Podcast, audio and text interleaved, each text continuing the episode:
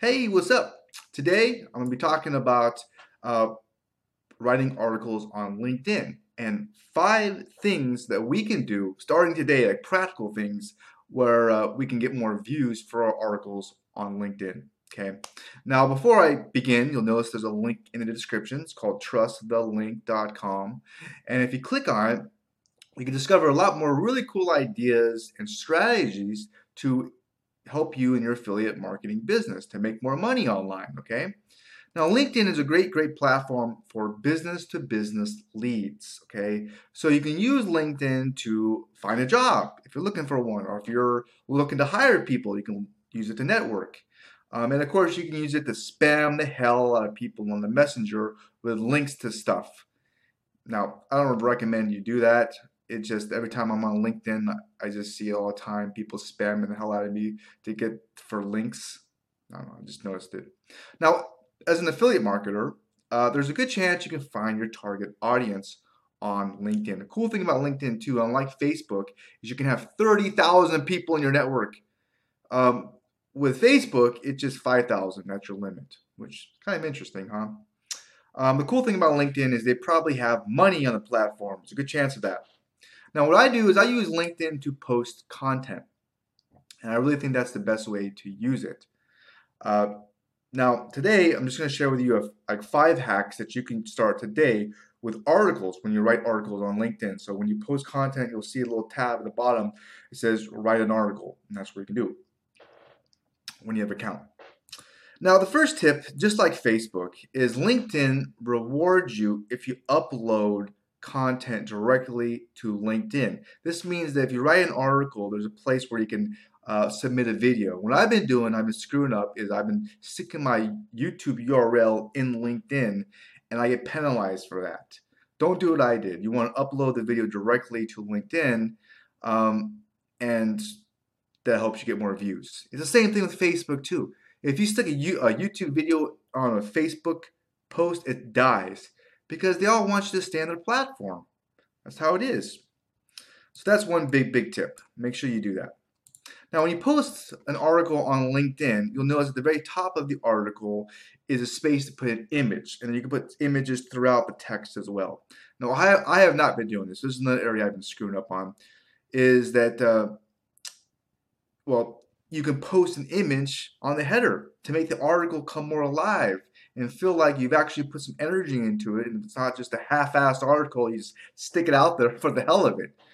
Uh, so you, yeah put it put images in there. Put videos in there upload videos images as well. So you might be wondering where i get free images? Well two areas there's, there's a whole bunch. You can do a google search and find them but one is something called splitshire. Um, split like s-p-i s-p-l-i-t then shire like the Shire from Lord of the Rings. That's what I'm thinking about. Um, another place is Gratosography. I can't even pronounce that. Look, I'll just put the links below. Okay, Gratosography. There you go. There's two areas, but there's a lot more. Um, but the links are below for your convenience if you want to know two more areas to get free images, and you could use that for your articles. Okay. All right.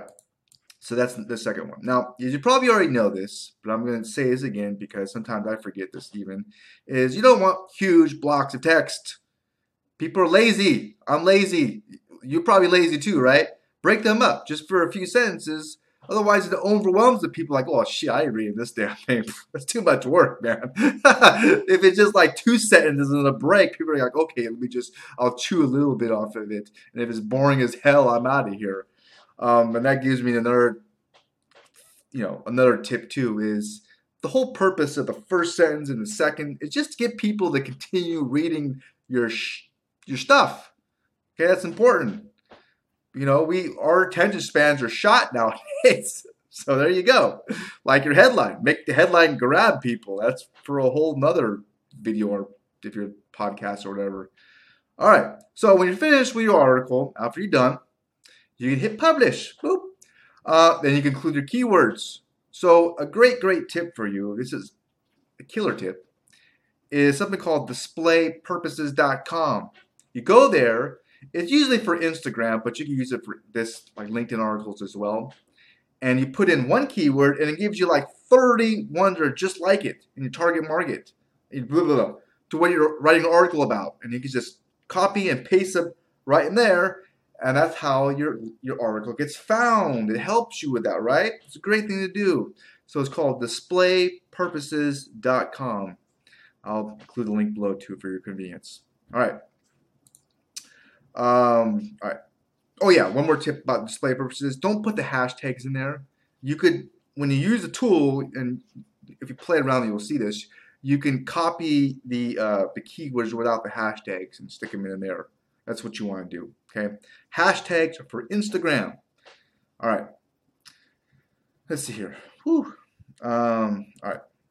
Oh yeah. The last tip uh, is uh, something I need to work on too more. I need to work on this. As soon as you publish an article on LinkedIn, try to get exposure to it as early as possible. Okay, uh, it's kind of similar to Facebook. If you post something on Facebook and nobody comments or likes it within like an hour or two, it's dead. Nobody's gonna see it. Just the way it is. It's like it's momentum it's on LinkedIn is a little similar too. So if you post an article on LinkedIn or a post for any of your content, uh, especially articles too, is try to use your other social media accounts, like tweet it out. You know, use it on uh, LinkedIn groups, posted a few times. Reddit community, that's a great idea. Uh, Facebook, uh, just anywhere where you can get where you can get a couple people to engage on it. Then LinkedIn goes, huh, two people's so they liked it. So it must be good. I'm going to show it to your whole network now.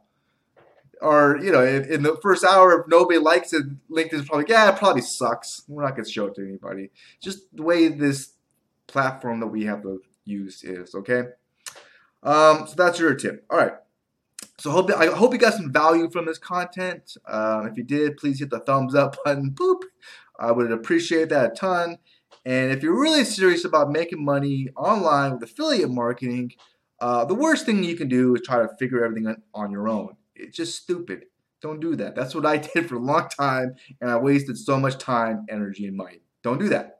Find someone really, really good, and you copy them. Okay, it makes things much easier. If you want to know who I recommend, uh, you learn from, uh, click that link below or go to trustthelink.com. Okay. Um, I wish you the best. Have a great, fun rest of your day. Take it easy and bye.